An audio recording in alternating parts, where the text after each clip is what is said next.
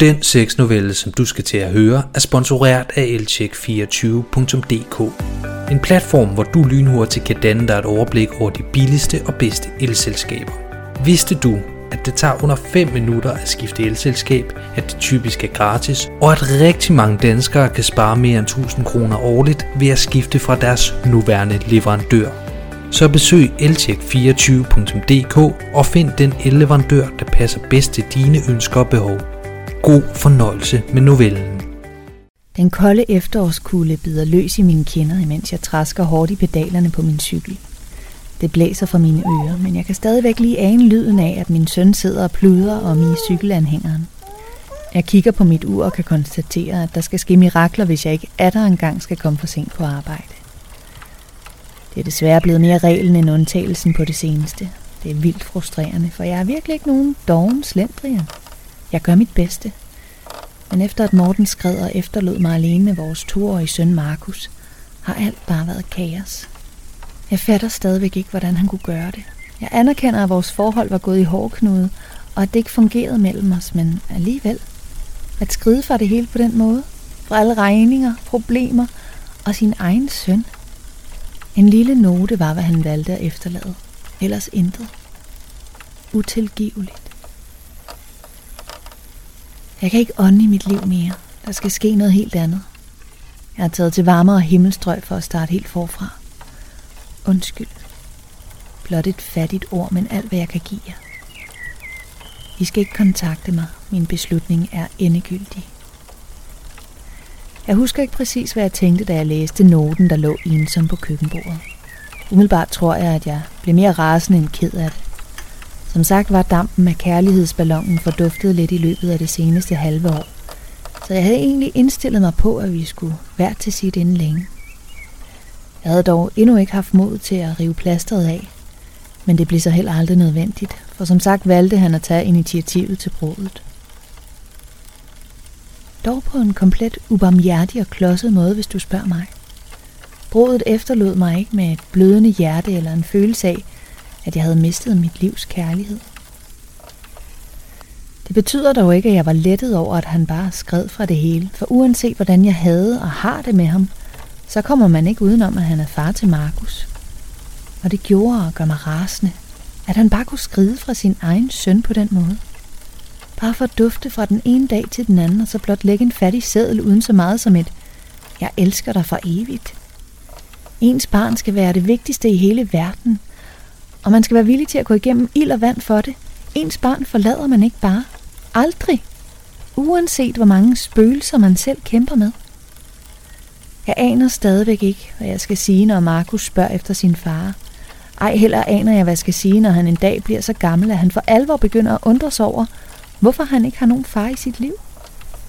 Skal jeg lyve og sige, at han er død, så Markus ikke udsættes for det enorme nederlag, som det uomtvisteligt ville være for en at finde ud af, at ens far skred fra en for at leve et andet liv. Jeg ønsker Markus det bedste og at beskytte ham så godt som jeg kan, hvorfor denne tanke har været fristende. Planen er dog hverken ufejlbarlig eller skudsikker, for hvad gør jeg så, hvis Morten en dag ombestemmer sig og der vil se sit barn? Så vil jeg pludselig stå som skurken, der løg sin søn lige op i ansigtet. Godt nok en dybfølt kærlighed og beskyttertrang, men disse nuancer vil Markus stensikkert ikke evne at se, når raseriet koger i hans sind. Det er heldigvis ikke en beslutning, som jeg skal tage i dag. Må ikke jeg er velsignet med nogle år til at udtænke planen yderligere. Det er desuden også kun tre uger siden, at Morten forlod os, så hvem ved, om han ikke fortryder og vender hjem igen, når han har fået øjenkontakt med spejlet tilpas mange gange. Jeg kigger på mit armbåndsur, der viser, at jeg skulle være mødt på arbejde for 5 minutter siden. Jeg rejser mig op i pedalerne og tilbagelægger de sidste 500 meter på meget kort tid, hvilket fører til, at jeg bliver en smule forpustet. Jeg laver nærmest julespor, da jeg bremser hårdt foran indgangen til vuggestuen. I en hurtig bevægelse hopper jeg af sadlen, hvor efter jeg får hævet Markus og hans rygsæk ud af cykeltraileren. Småstresset træder jeg ind i vuggestuens entré. Der er svagt belys som vanligt. En duft af jordslået tøj, frugt, madpakker og linoleumskul rammer min næsebor. Jeg får overtøjet af Markus, kysser ham blidt på panden og siger, at han må have en god dag. Herefter tager jeg ham i hånden for at følge ham ind til pædagogen. Mens vi i et hastigt tempo bevæger os mod det store rum i vuggestuen, kigger jeg igen på mit ur for at en gang at blive mindet om, hvor travlt jeg har. Ubevidst tager jeg mig til hovedet og mærker, at min pande stadigvæk er lidt fugtig af sved efter den vilde afslutning på cykelturen. Mobilen vibrerer i min lomme, og jeg tager den op for at se, hvem der skriver. Jeg må konstatere, at det ikke var en sms-besked, men blot en notifikation om et møde om en times tid. Jeg stopper derfor mobilen i lommen igen, hvorefter jeg er der kigger op. Mine øjne peger direkte ind i blikket på en mand, som jeg gætter på er midt i 20'erne. Han smiler til mig, hvilket fremmaner nogle små rynker omkring hans øjne, der bliver smalle.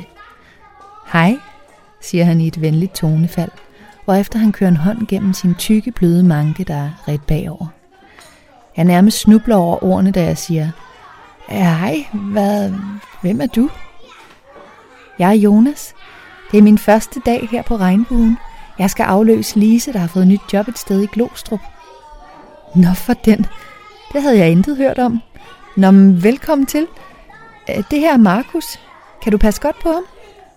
Jeg vil gerne blive hyggesluder, men jeg er desværre allerede sent på den. Han smiler over bærene, hvorefter han sætter sig på huk og siger, Hej Markus, er du klar til en masse sjov og ballade? Og efterfølger dette spørgsmål med en spøjsgrimasse, der får Markus til at grine højlydt. Jeg klapper Markus forsigtigt på bagsiden af hovedet og ønsker ham igen en god dag. Herefter løber Markus over og giver sin nye pædagog et kæmpe knus. Jeg burde allerede sidde ude på cyklen på vej mod arbejde, men jeg kan simpelthen ikke forlade dette skønne syn af min kærlige dreng, der krammer en smilende pædagog, som ligner en supermodel. Høje kindben, flotte smilehuller, lækkert, tykt bølget hår og et sæt intense øjne, man hurtigt forsvinder ind i. Jonas, der indtil nu har haft lukkede øjne under krammet, åbner dem pludseligt og tager mig i at stige. Han smiler og siger, Havde du ikke travlt? Nå jo, svarer jeg og vender på en tallerken. Hej hej. Jeg hopper på cyklen og sætter kurs mod mit job. Flere gange på ruten er jeg ved at kollidere med andre cyklister og et par fodgængere, fordi jeg sidder begravet i tanker om min søns nye pædagog, Mr. Perfect. I begyndelsen kredser tankerne mest om de romantiske stunder, som ham og jeg kunne have sammen. Det var så tanker om, hvordan vi kunne sidde og kigge hinanden dybt i øjnene på et skotsternet tæppe i en grøn park med et soundtrack bestående af fuglesang, eller hvordan vi kunne slendre en aftentur ned langs bryggen, mens vi kiggede på mennesker. Efter et par romantiske tankeudflugter tager min dæmoniske side over, og jeg begynder at fantasere om frække stunder, som ham og jeg kunne have sammen. Om hvordan han kunne tage mig hårdt på puslebordet i vuggestuen, mens jeg kæmpede for at holde støndene tilbage for ikke at afsløre, hvad vi havde gang i over for de andre pædagoger. Eller om hvordan han aften efter aften kunne kigge forbi min lejlighed, efter Markus var blevet puttet for at dyrke sex. Igen ville jeg ligge og vride mig inde på sofaen, mens jeg kæmpede for at holde støndene tilbage, så jeg ikke vækkede Markus. De dæmoniske, eskapistiske udflugter får liderligheden til at skylle ind over mig. Og jeg bliver mindet om, hvor meget jeg egentlig trænger til pik. Jeg har ikke fået sex i flere måneder, da Morten og jeg slet ikke knaldede den sidste tid, vi var sammen. Vi pillede ikke engang ved hinanden. Måske kan det blive i aften, når jeg skal ud med nogle veninder. Der plejer at være bejlere nok, så det er vel bare forbarms over en af dem. Min mor og far har lovet at tage Markus, og i aften er børne- og bekymringsfri, og det bliver så skønt, uagtet at jeg elsker min søn overalt på jorden. De, altså mine forældre, har været rigtig søde ved mig, siden Morten skred. Det er deres fortjeneste, at jeg endnu ikke er gået op i limningen. Flere gange ugenligt er de kommet med mad til Markus og mig, og de har på ingen måde trængt sig på.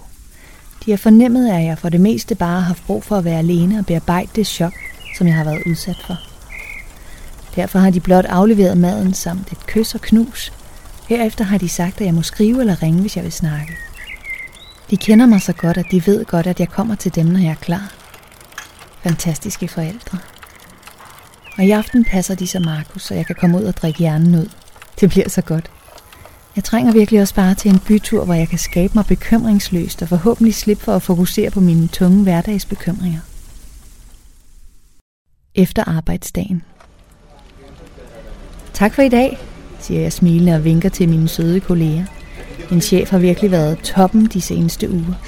Vi er så tætte, at det ikke virkede unaturligt at indvige hende i kaoset på hjemmefronten – Derfor har hun ikke en eneste gang kommenteret, at jeg er kommet sent, hvilket har været virkelig rart. Det er nemlig pinligt nok i sig selv, og jeg er sikker på, at skammen over det vil blive forstærket, sæt hun skulle eksplicitere det. Ja, god weekend, siger min kollega nærmest i kor. Vi ses i aften, råber Marie fra sin plads nede i hjørnet, mens hun laver en grim dans.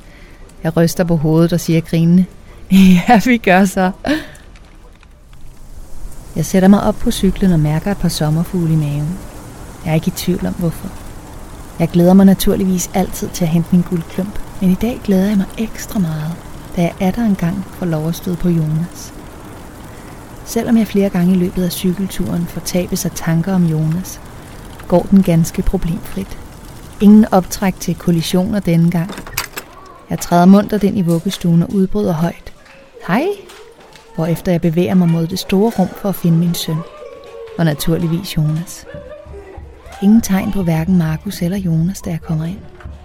Det eneste, som møder mit syn, er en af de kvindelige pædagoger, der sammen med tre børn sidder og leger med duploklodser. Hun vender sig om, da jeg træder ind i rummet, og før hun når at sige noget, siger jeg, hvor er han? Det er så pinligt og dumt sagt, for jeg hentydede faktisk til Jonas. Heldigvis opfatter hun det ikke og tror naturligvis, at jeg spørger til Markus. Han er lige ved at blive skiftet, siger hun med et smil. Super. Så får jeg en glad, ren dreng hjem, siger jeg og gengælder smilet, hvorefter jeg går hen til døren til puslerummet. Kort efter min ankomst går døren op, og jeg kæmper for at holde et suk tilbage. Det er nemlig ikke Jonas, der har haft fornøjelsen af at skifte min søn, men derimod altid smilende Line. Inden Jonas startede, var hun min klare favorit. Hendes udstråling er nemlig helt fantastisk. Altid i et smilende godt humør, men i dag er jeg lidt immun over for hendes charme, fordi jeg havde håbet på at møde en anden. Heldigvis vækker synet af Markus glæde i mig, og jeg glemmer hurtigt skuffelsen. Hvad så, Bassemand? Har du været til at styre? siger jeg med et smil. Han svarer ikke, så det klarer Line i stedet for. Det har han i hvert fald. Han har været så sød. Ham og hans nye mandlige pædagog Jonas er blevet bedste venner. Jeg smiler over hele tigeren og siger, ej hvor er det herligt. Hvor er han nu, ham Jonas? Han fik fri for en halv time siden. Nå okay, siger jeg og forsøger at fremtvinge et smil. Umiddelbart lykkes det, for Line kigger hverken mærkeligt på mig eller kommenterer min adfærd. Vi vil gå på weekend, siger jeg og tager Markus i hånden. Hvorefter jeg får installeret ham i cykelanhængeren. Herefter hopper jeg op på sadlen og træsker en smule slukket hjem. Undervejs minder jeg dog mig selv om, at jeg ikke må lade en så lille ting ødelægge den super gode aften, som jeg går i møde. Jeg får jo lov at se Jonas igen på mandag.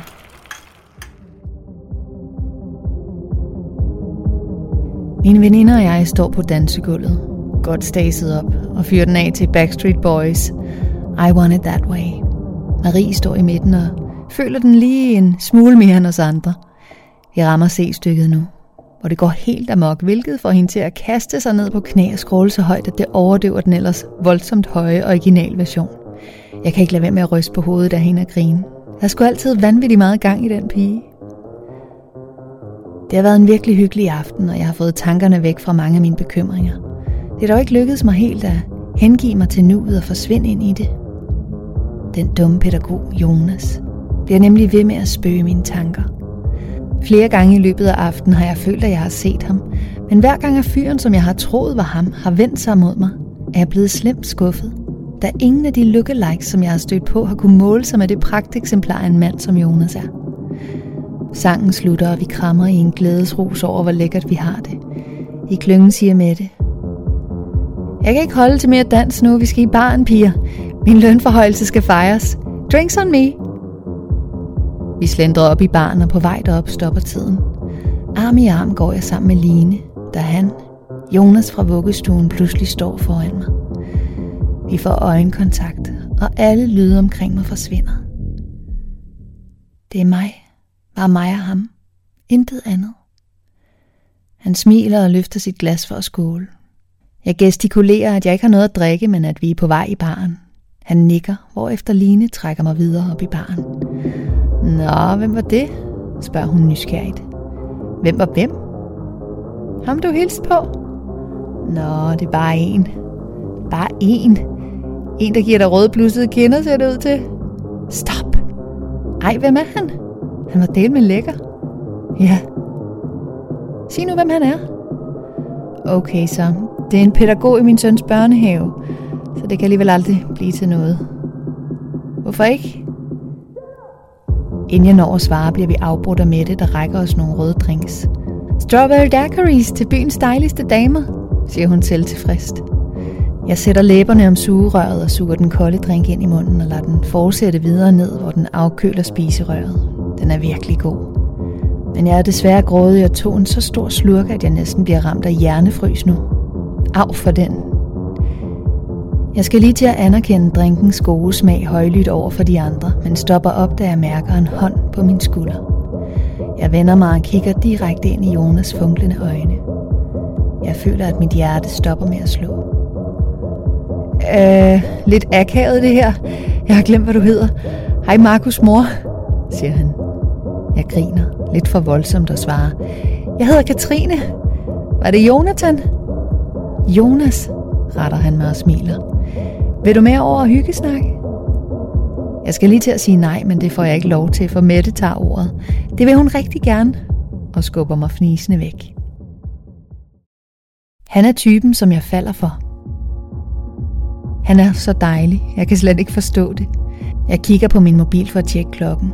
Vi har talt uafbrudt sammen i fire timer nu, og jeg har været opslugt fra start til slut. Han er perfekt. Kærlig, sjov, klog. Hele pakken. Lyset tænder på diskoteket, og en gabende bartender med render under øjnene råber, Vi lukker nu! Alle ud! Jonas rejser sig og går op på siden af mig. Han rækker sin hånd frem, og jeg lægger min i hans. Hvad nu? spørger han. Hmm, det ved jeg ikke, svarer jeg. Lad mig være ærlig. Jeg har lyst til at tage dig med hjem, men jeg vil ikke have, at du tror, at jeg er sådan en player-type, der er sammen med en masse. Det er bare, jeg synes virkelig, du er sød, og jeg har bare lyst til at være mere sammen med dig. Jeg har lyst til det samme, men jeg tager aldrig med en fyr hjem den første aften. Jeg er altså ikke sådan en, som man bare lige får på krogen. Heller ikke, hvis man er mig, siger han og sender mig et par udmodståelige hundeøjne og kysser mig forsigtigt. Kysset udvikler sig til snæveri, og han tager mig blidt på røven. For fanden da også. Han gør mig så åndssvagt liderlig, jeg kan ikke modstå ham. Så kun fordi det er dig, siger jeg opgivende. Kort efter sidder vi i taxaen. Vi kan ikke holde fingrene fra hinanden. Vi kysser konstant, mens vi rager løs på hinanden, indtil vi afbryder af chaufføren, der fortæller os, at vi er fremme. Magisk sex Jonas bløde tunge masserer min, mens vi fletter fingre. Vi har endnu ikke lagt os i hans dobbeltseng, men står for enden af den. Han trækker sin t-shirt over hovedet, og frem kommer en krop som en græsk guds. Det er ikke færdigt der, siger jeg. Nu tør jeg jo ikke smide noget tøj, når du ser sådan ud. Han griner over bærene og hævder, og han er sikker på, at jeg er mindst lige så lækker som ham uden tøj. efter han vender mig om og lyner min kjole op. Herefter fjerner han forsigtigt kjolen fra mine skuldre og efter den falder blødt mod soveværelsesgulvet, så jeg nu kun står iført min sorte BH og min lille sorte G-streng foran ham. Jeg bliver genert og kigger ned. Damn, du er fræk og lækker, siger han og lægger sin ene hånd på min numse, mens han med panden mod min retter mit ansigt op, og efter han begynder at kysse mig. Vi vælter kort efter ned i sengen, hvor vi fortsætter med at snave og pille løs ved hinanden. Han er blevet hård, kan jeg mærke uden på hans stramme korperbukser. Efter kort tid begynder han at bevæge sig ned ad min krop. Først kysser han min hals blidt. Mens han gør det, knapper han min BH op og trækker den af mig, så mine struttende bryster kommer til syne. Da de bliver sluppet løs, kan han ikke holde sig fra dem. Han kysser dem blidt og slikker lidt på mine brystvorter, og efter han kysser mig på maven. Herefter kysser han mig lidt på inderlovene, hvorefter han forsigtigt lister trussekanten til side og lader en finger glide op i min drivvåde fisse. Jeg giver et lille støn. Han fingerknæpper mig i lidt tid, hvorefter han trækker mine trusser helt af. Herefter placerer han sin tunge på min klit, som han snitter et par gange. Hver gang hans tunge rører den, giver jeg et lille spjæt i kroppen. Det er så pigerne og lækkert. Han slikker mig dejligt varieret, mens han fingerknipper mig. Han skruer op for tempoet, og det får mig til at stønne højere og højere. Jeg piller lidt ved hans dejlige, tykke manke, mens han tilfredsstiller mig som jeg nær havde glemt, at en kvinde kunne tilfredsstilles. Bliv ved, siger jeg, fordi jeg kan mærke, at orgasmen nærmer sig.